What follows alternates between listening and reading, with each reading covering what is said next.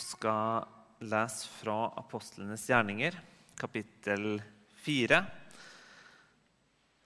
vers 23-35. Etter at de var løslatt, gikk de til sine egne og fortalte hva overprestene og de eldste hadde sagt. Da de andre hørte det, ba de til Gud med ett sinn og én stemme og sa, Herre, du som skapte himmelen og jorden og havet og alt som er i dem. Du lot Den hellige ånd si dette gjennom din tjener David, vår far. Hvorfor er folkeslag i opprør? Hvorfor grunner folkene på det som er forgjeves? Jordens konger reiser seg, fyrstene slår seg sammen mot Herren og Hans salvede. Ja, i denne byen slo de seg sannelig sammen mot din hellige tjener Jesus, som du salvet. Både Herodes og Pontius Pilatus, sammen med hedningfolkene og Israels stammer. Alle har de gjort det som du ved din hånd og din vilje hadde bestemt at skulle skje. Og nå, Herre, hold øyne med truslene deres, og la dine tjenere tale ditt ord med frimodighet. Rekk ut din hånd så det skjer helbredelser og tegn under navnet, ved, navnet til Jesus, din hellige tjener. Da de hadde bedt, skalv stedet der de var samlet. De ble alle fylt av Den hellige ånd og talte Guds ord med frimodighet. Alle de troende var ett i hjerte og sinn, og ingen regnet det de eide, som sitt eget. De hadde alt felles. Med stor kraft bar apostlene fram vitnesbyrdet om at Herren Jesus var stått opp, og stor nåde var over dem alle. Ingen av dem led nød, for de som eide jord eller hus, solgte det og kom med pengene og la dem for apostlenes føtter. Så fikk hver enkelt tildelt det han trengte.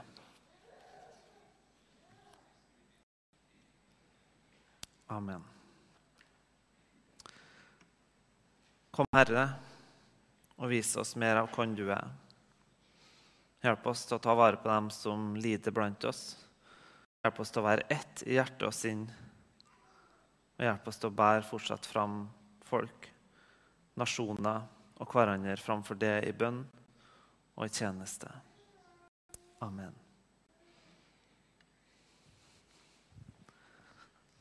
Talen min ligger nede på her, så Ja, den ble med ned. Der.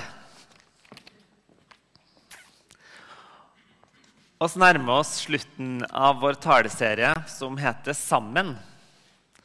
Og eh, I dag er vi kommet til siste bit i ordinære gudstjenester.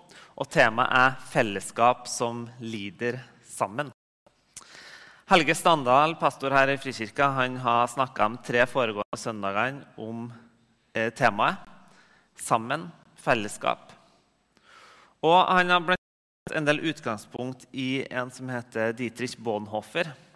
En eh, prest fra Tyskland som eh, endte opp med å dø en av de siste ukene i konsentrasjonsleirene under andre verdenskrig.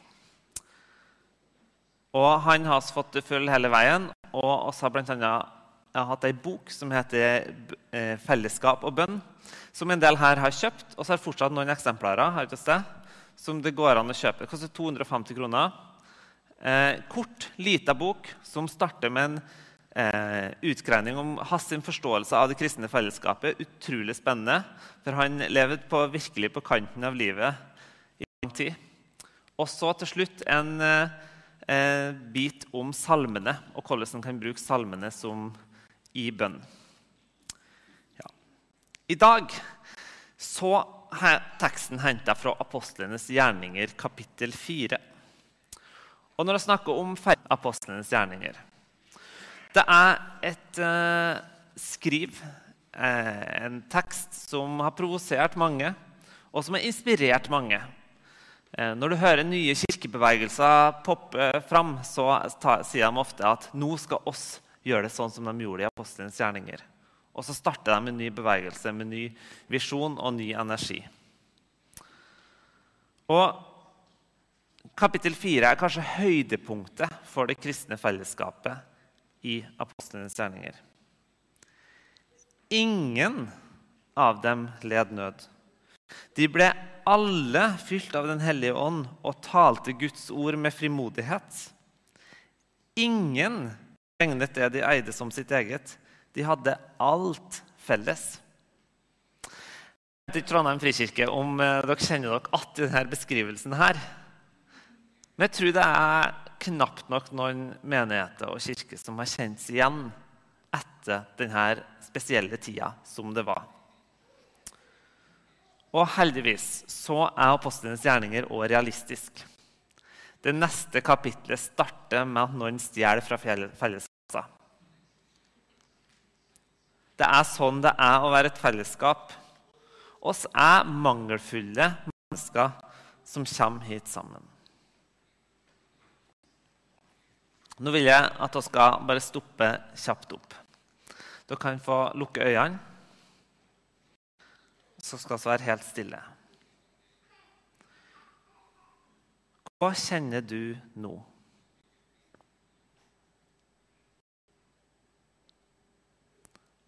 Er du glad? Er du trist? Har du noe smerte? Og så vil jeg at du skal kjenne etter. Hva er din forventning nå når du kommer inn her i rommet? Til talen, til gudstjenesten, til menigheten.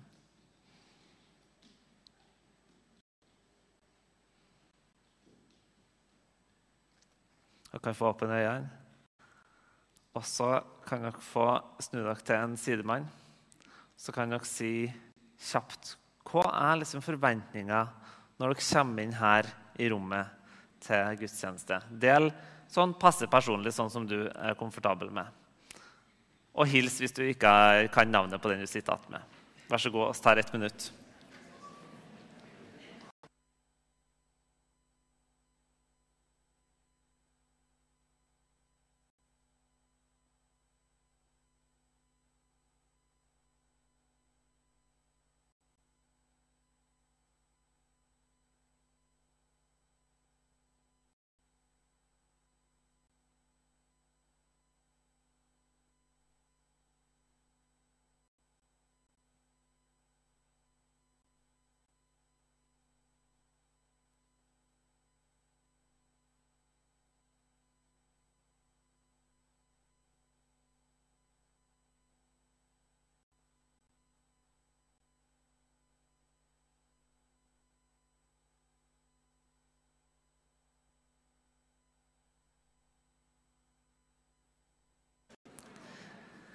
Da samler vi oss igjen.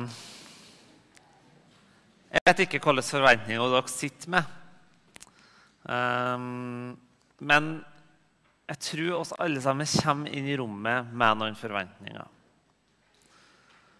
Og det har òg Helge snakka en del om. Hvilke forventninger tar oss med oss inn i det kristne fellesskapet. Og Det siste temaet han snakka litt om, som han nevnte at jeg skal snakke om, var det som står i Galaterne 6.2. Bær byrdene for hverandre og oppfyll på den måten Kristi lov.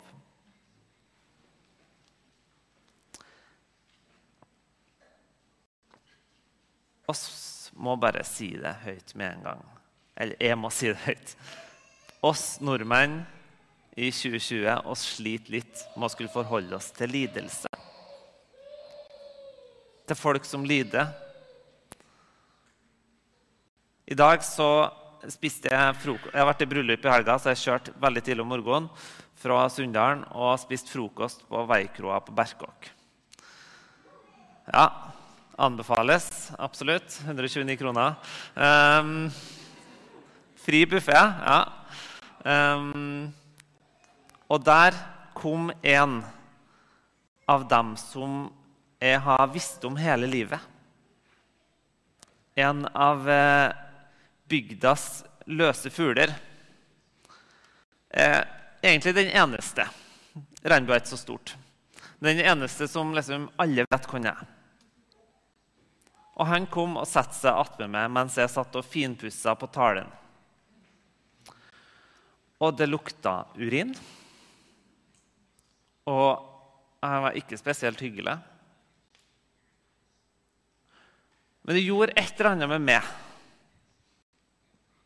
For jeg begynte å tenke at det ville kosta meg litt. Og skulle hatt han med i mitt husfellesskap. I min menighet. Og sitte her ved sida av han. Jeg vet aldri hva som kan skje. Jeg vet at uh, han er syk og har slitt lenge. Måtte jeg jobbe litt med meg sjøl. Hvordan ville jeg takla og fått han inn her? Har jeg villet vært en som er med og bærer hans byrder?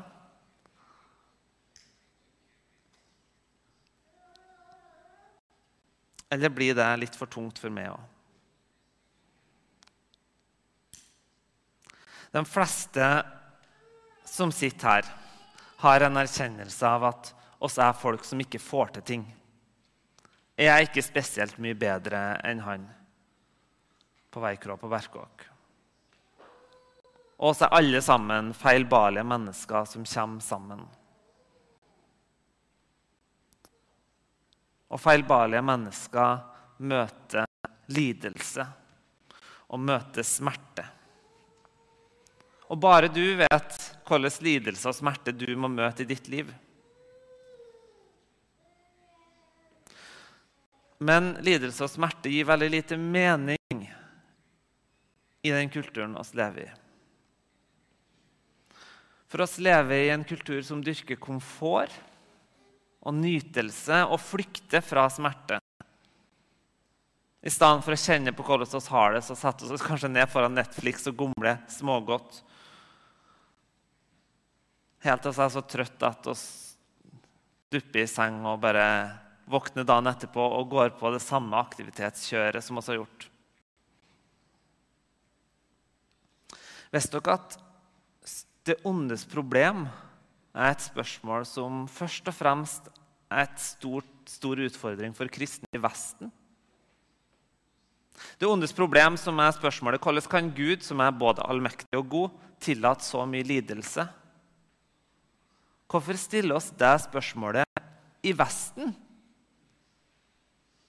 Den største, den største økonomiske og teknologiske fremgangsrike delen av verden noen gang har sett. Hvorfor stiller oss det spørsmålet? Det ene er at jeg tror at oss har en del lidelser vi ikke har kjent på. Og det vi ikke har kjent på, det frykter oss. Jeg vet ikke hvordan det er å leve som bygdas løse fugl med psykisk sykdom i mange, mange år. Og alle vet hvem du er, og har kallenavn på det. Men jeg tror det er mye smerte i det.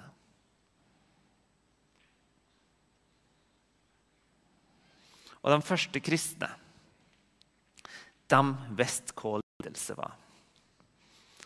De forventa egentlig ikke at barn under fem år skulle vokse opp. De levde som et undertrykt folk. De var fattige. Det var mye dysfunksjonelle familier og en sterk ære-skam-kultur. Bare les Bibelen. Det er mennesker som har det knalltøft. Mennesker som snakker om å legge seg ned for å dø fordi de ikke har mat. Og så oss i Norge 2020 også nødt til å ta tak i noen av våre mentale presets, eller default mode, eller grunninnstilling. For jeg tror vi er fora så mye med reklame at oss har tatt den logikken inn i andre deler av livet òg. Sånn at når folk kommer hit, så har de kanskje forventning om at uh, nå skal ting løse seg. For reklamens logikk den sier jo er det noe som ikke er helt i orden. Kjøp det her, gjør det her. så blir livet fylt av nytelse og glede, og du er vakker og pen og lever lenge og får masse venner.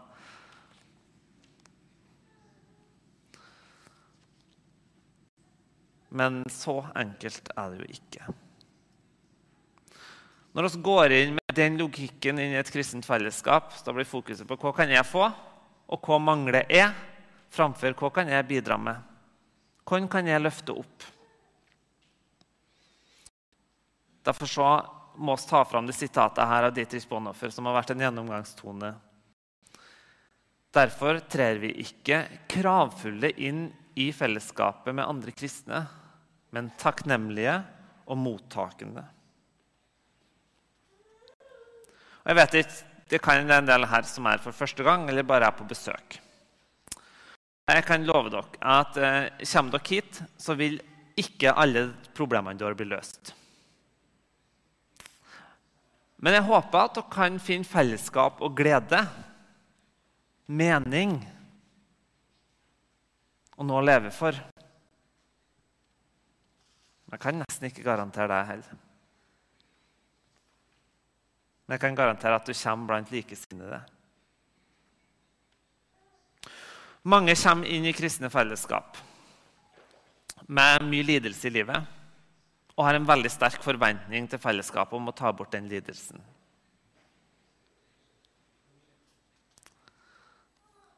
Det er en litt skummel innstilling. Det er en skummel innstilling i alle relasjoner når folk gjør det.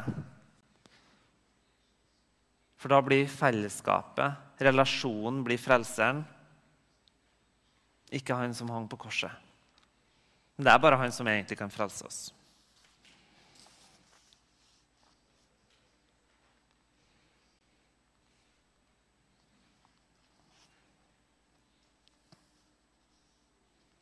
Jesus gråt. Du er og har, har det vondt så vil jeg bare først og fremst bare si én ting. At det korteste verset i Bibelen det står i Johannes 11, 35. Der står det 'Jesus gråt'. Han kunne tenkt at Jesus gråt over noe som var bunnløst og uten håp. Det gjorde han ikke. Denne teksten her, den er henta fra når Jesus kommer til Betania, og Lasarus er død, en venn av Jesus. Jesus vet at han skal reise ham opp fra de døde snart. Men likevel så gråt han. Jesus vet at den smerten du bærer på nå, den vil en dag ta slutt. Men han gråt. Han græt med det.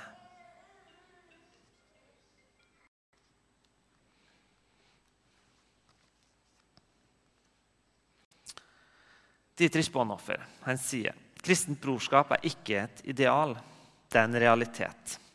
Så når Paulus snakker om at ett lem lider, så lider alle med, så er det ikke sånn at det kun er ei velfungerende menighet der alle sammen kjenner alle og alle sammen er glad i hverandre, at alle lider.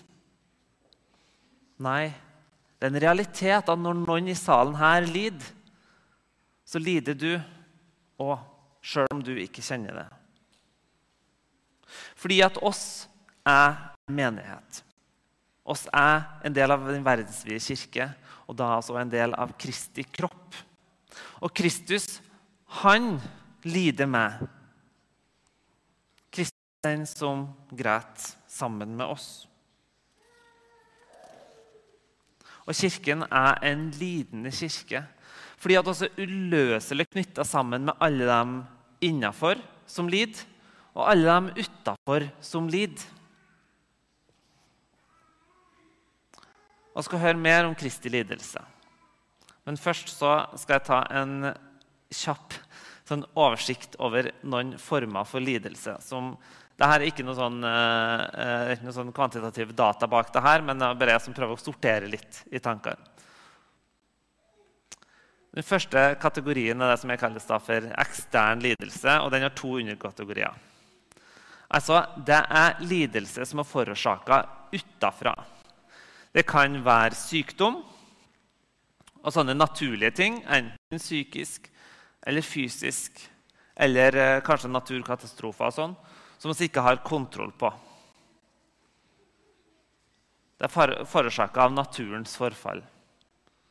Og så har vi den lidelsen som er påført av andre mennesker. De orda som kanskje var sagt til deg på barneskolen, som du fortsatt styrer livet ditt etter. Som ikke akkurat fører så mye liv med seg. Som kan skape lidelse i ditt liv. Eller mye verre ting, som vi ikke behøver å nevne. som dere kan tenke dere til. Og så kanskje en intern lidelse. Ting som vi har forårsaka på oss sjøl. Og Den første er den som er forårsaka av dårlige valg. Det gjør oss alle. Og alle vet òg at det er litt vanskeligere å få medfølelse når du har tatt dårlige valg. Det er det. Men det er jo egentlig ingen grunn til å få mindre medfølelse. Smerten er jo like reell om du har en livsstilssykdom, eller om du har en annen sykdom.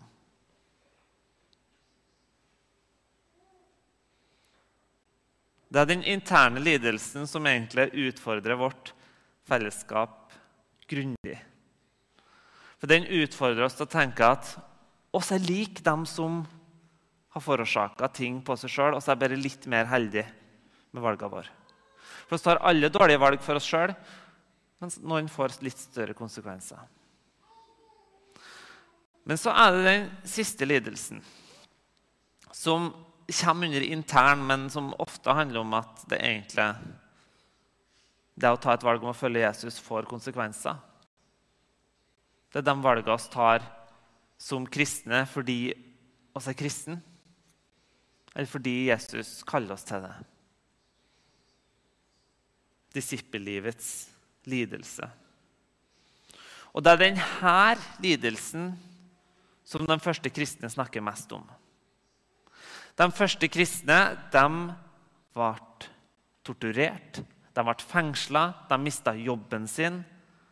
De kunne miste hele familien sin i en ære-skam-kultur. Det er brutalt. Så når du leser hele Nye testamentet, snakker en kjempemye om hvordan Gud er med i lidelsen, hvordan fellesskapet skal favne alle som lider.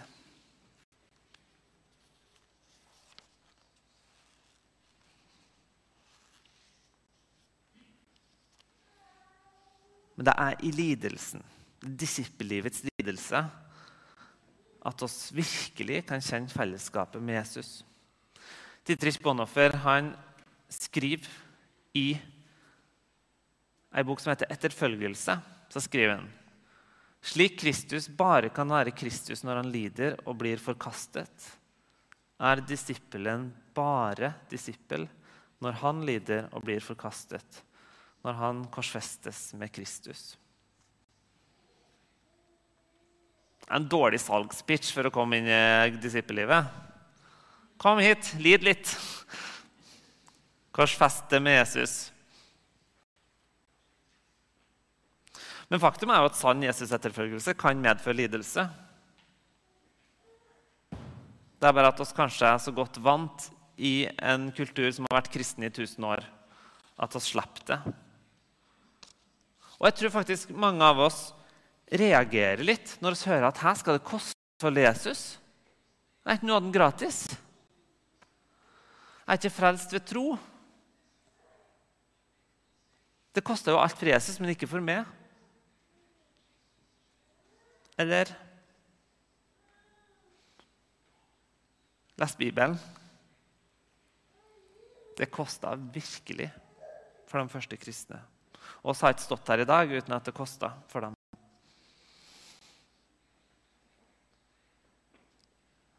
Og en av de klare utfordringene jeg har til oss som fellesskap i dag, er Står oss sammen med dem som er nødt til å tåle disippellivets smerte og omkostninger?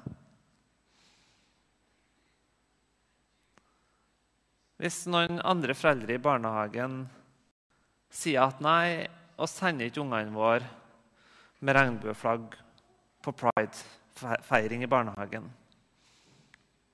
Fordi at det strider imot vårt syn på mennesket. Og så er jeg ikke enig i alt det pridebevegelsen står for. Hva sier dere da?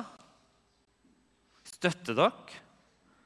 Eller syns dere de blir litt for ekstreme? Når noen møter skikkelig mye baksnakking på jobben fordi de er av typene som er evangelister, litt frimodig, og forteller om Jesus, stiller dere da bak dem? Støtter dem? Eller syns dere at de gir dem kristne litt dårlig rykte med å være så frimodige? Jeg vet dessverre at det så mange ganger er heller enn å støtte folk som ønsker å leve radikalt for Jesus, heller stille meg litt på sida og tenke det var da litt mye.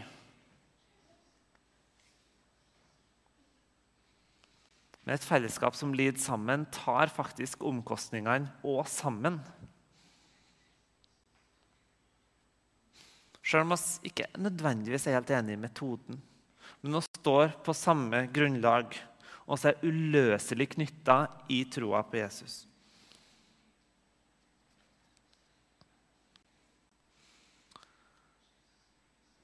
Og det er Jesus som er hovedpoenget her.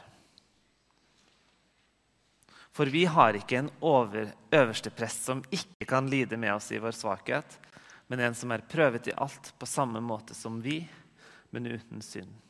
Oss tror faktisk på en Gud som ble menneske det er et kjempeevangelium. For det betyr at Jesus vet nøyaktig hvordan det er å være det. Han vet nøyaktig hvordan det er å få kvisa. Den lidelsen oss vet hvordan det er. Men han vet òg den forferdelige lidelsen det er å bli utstøtt fra sin egen familie. Eller å piske og slått. For det er utrolig mye lidelse vi egentlig kan flykte fra. Og disippellivets lidelse er den letteste vi kan flykte fra. Men det var én som aldri flykta. En som gikk hele veien, og det var Jesus.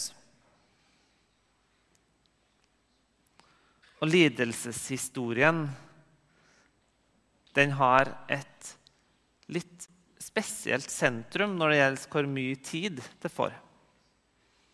Hvis du leser lidelseshistoria, altså de siste 24 timene av døgnet til Jesus, så er det noen timer som får lengre plass enn andre. Og som beskrives mer i detalj. Og det er faktisk ikke piskinga og korsfestelsen som oss kanskje tenker på som den verste lidelsen. Men det er den smerten Jesus måtte bære idet han faktisk tar valget. Sett dere her mens jeg går bort dit og ber. Han tok med seg Peter og de to CBDU-sønnene, og han ble grepet av sorg og gru. Da sa han til dem, 'Min sjel er tynget til døden av sorg. Bli her og våk med meg.' Det er flere ting vi kan ta med oss fra teksten her. Det første er at Jesus må gå for seg sjøl. De tingene du står midt inni, dem må du face sjøl. Så når vi snakker om å bære hverandres byrder, så handler det ikke om at jeg kommer og tar av det, den smerten du må bære på i livet. Jeg kan ikke ta fra deg din sykdom eller noe sånt i fellesskapet her. Nei, det handler om at det er noen som bærer meg, står bak, heier. Men de svikta, da.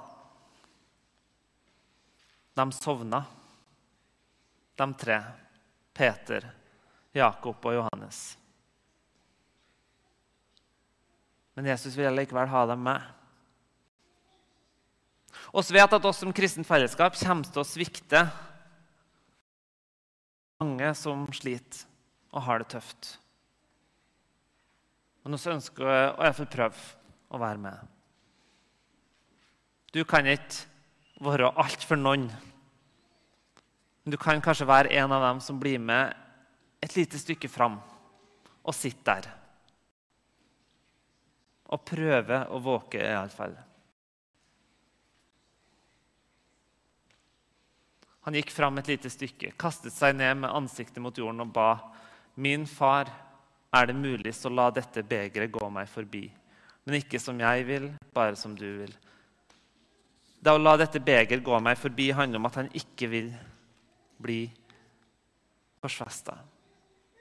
Og det er her den store smerten til Jesus er. Men se hvordan han møter lidelsen. Han setter seg ikke og spiller mobilspill eller Candy Crush eller et eller annet sånt, helt til han er så trøtt at han sovner og bare rømmer fra det. og så bare, ja, får ta neste dag som den kommer. Han møter det og så er han ærlig med Gud. Likevel så overgir han tillitsfylt livet i Guds hånd.